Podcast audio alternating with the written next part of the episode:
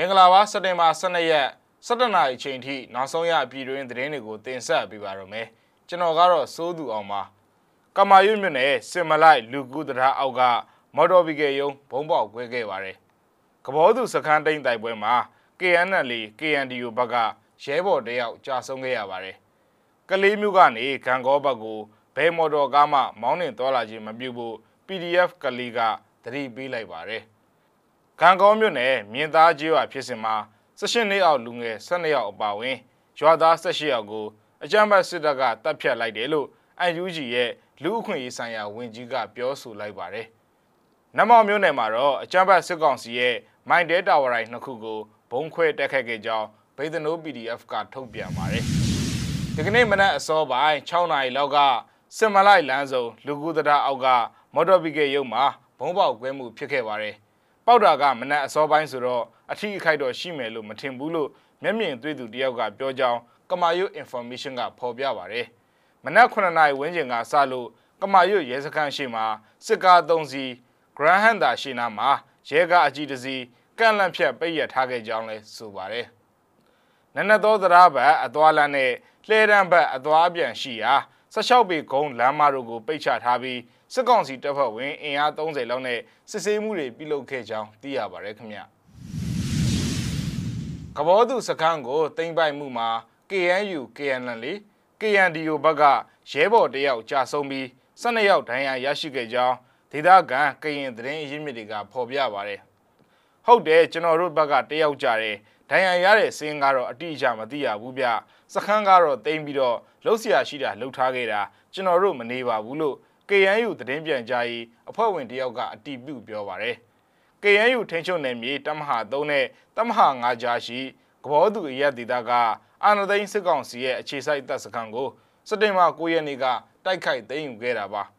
ကဘောသူစခန်းဟာ 1998ခုနှစ်တုန်းကစစ်ကောင်စီတပ်တွေလာရောက်နေရာချထားပြီးတပ်မယုတ်သိမ်းတဲ့အပြင်ဒေသခံတွေကမလိုလားတာဖြစ်လို့တမဟာ3 KNDU တပ်ရင်း3နဲ့တမဟာ9 KNL တပ်ဖွဲ့တို့ပူးပေါင်းပြီးတပ်သိမ်းရတာလို့သိရပါတယ်။အဲဒီနောက်ပိုင်းစခန်းသိမ်းတိုက်ပွဲလိုမျိုးတိုက်ပွဲကြီးကြီးမားမားမရှိသေးကြောင်းနဲ့တမဟာအတော်များများမှာစစ်ရေးလှုပ်ရှားမှုတွေရှိနေပြီးမူဒရော်ခရိုင်တွေကိုလည်း BGF တပ်သားတွေစစ်ရင်အားဖြည့်တင်းနေကြောင်းသိရပါတယ်။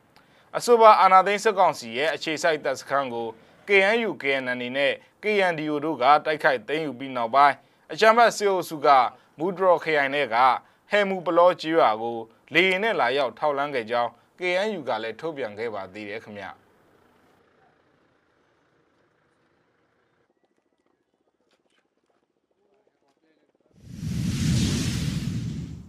မကွေးတိုင်းဒေသကြီးနမ်မောက်မြို့နယ်တဲက မိုင်းတဲတာဝါတိုင်းနှစ်ခုကိုစက်တင်ဘာ17ရက်ညပိုင်းချိန်ကဘုံခွဲတိုက်ခိုက်ခဲ့ကြောင်းဗေဒနိုးနယ်မြေပြည်သူ့ကာကွယ်ရေးတပ်မတော်ကအတည်ပြုပြောပါရယ်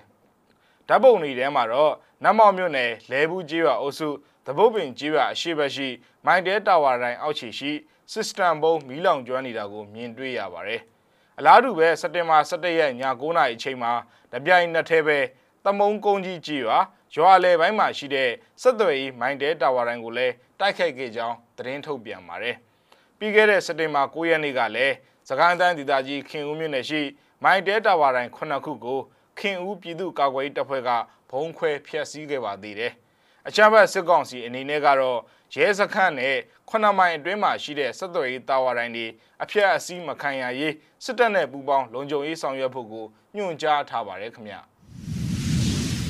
ကလေးမျိုးဘက်ကနေဂန်ကောမျိုးဘက်ကိုဘဲမော်တော်ကားအရင်အမျိုးအစားမဆိုမောင်းနှင်သွားလာခြင်းမပြုဖို့ PDF ကလေးကသတိပေးလိုက်ပါတယ်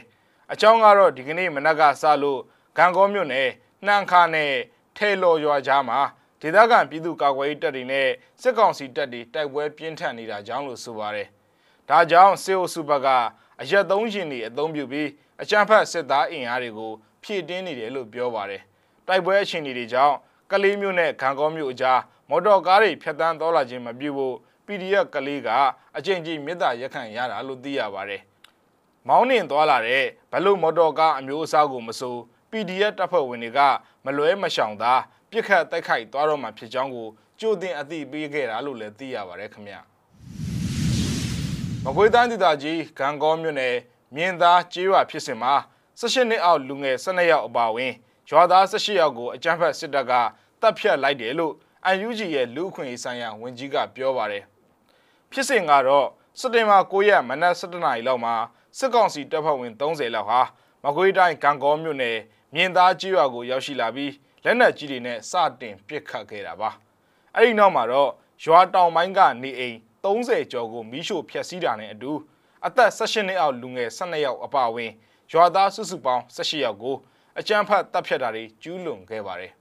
ဒေသခံအရက်သားတွေအစုလိုက်အပြုံလိုက်တိတ်ဆုံးနေခဲ့ရတာဖြစ်ပြီးလူ၈ယောက်ရဲ့အလောင်းမှာတော့ခေါင်းကိုတနတ်တင်နဲ့အထုခံရတဲ့ဒဏ်ရာတွေနဲ့ဥကောင်းကိုချိန်ပြီးပြစ်သက်ခံရတဲ့ဒဏ်ရာတွေကိုတွေ့ရှိခဲ့ရပါတယ်။တက်ကြီးရွယ်ဦးတူဟာလက်ပြန်ချိုးတုပ်ခံရပြီးကြောမှာရိုက်နှက်ဒဏ်ရာတွေနဲ့တေဆုံးခဲ့ကြောင်းတွေ့ရပါတယ်။နောက်တစ်ယောက်ကတော့ကလတ်ထိုင်မှာချိုးတုပ်ထားပြီးတနက်နဲ့ပြစ်သက်ခါခဲ့တာလည်းဖြစ်ပါတယ်ခင်ဗျ။ ပြည်သူစစ်သားရဲသားများပြည်သူရင်ဝင်ခိုလုံကြကြွေးကြော်တန်နဲ့ခြိသက်ဆန္ဒထုတ်ဖော်ခဲ့တဲ့တဝဲမြို့ကန်လူငယ်တွေရဲ့ဆေးရနာရှင်စနစ်စန့်ကျင်ပျောက်ကြားသပိတ်မြင်ကွင်းကိုလည်းတင်ပြကြပါတယ်တို့ပြည်သူတို့ညီရလားညီရဟဲ့ညီရဟဲ့တို့တောင်းသားတဲ့ညီရလားညီရဟဲ့ညီရဟဲ့တို့တောင်းသားတဲ့ညီရလားညီရဟဲ့ညီရဟဲ့ဘွေဘွေဟောဟောဆန္ဒဆန္ဒရရအခြေပါဘုအာရမီအာရမီအခြေတော်ဘုအာရမီအာရမီ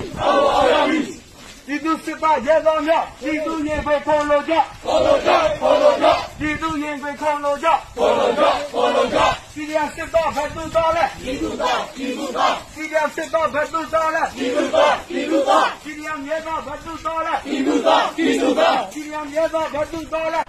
စေတော်ဘုအာရမီအာရမီစေတော်ဘုအာရမီအာရမီပြည်သူ စစ်သားရဲသားများပြည်သူရဲပဲခေါ်လို့ကြခေါ်လို့ကြခေါ်လို့ကြပြည်သူစစ်သားရဲသားများပြည်သူရင်ခွေခေါ်လို့ကြခေါ်လို့ကြခေါ်လို့ကြစီရန်စစ်တော့ဘယ်သူသားလဲပြည်သူသားပြည်သူသားစီရန်စစ်တော့ဘယ်သူသားလဲပြည်သူသားပြည်သူသားစီရန်ရဲတော့ဘယ်သူသားလဲပြည်သူသားပြည်သူရည်စီမရဲ့သတင်းအစီအစဉ်ကိုဒီမှာခဏရနာကြပါတယ်ကြည့်ရှုခဲ့တဲ့မိဘပြည်သူတဦးချင်းစီကိုကျေးဇူးအထူးပဲတင်ရှိပါတယ်ကျွန်တော်တို့သတင်းနဲ့အတူတူပြန်ဆောင်ကြပါဦးမယ်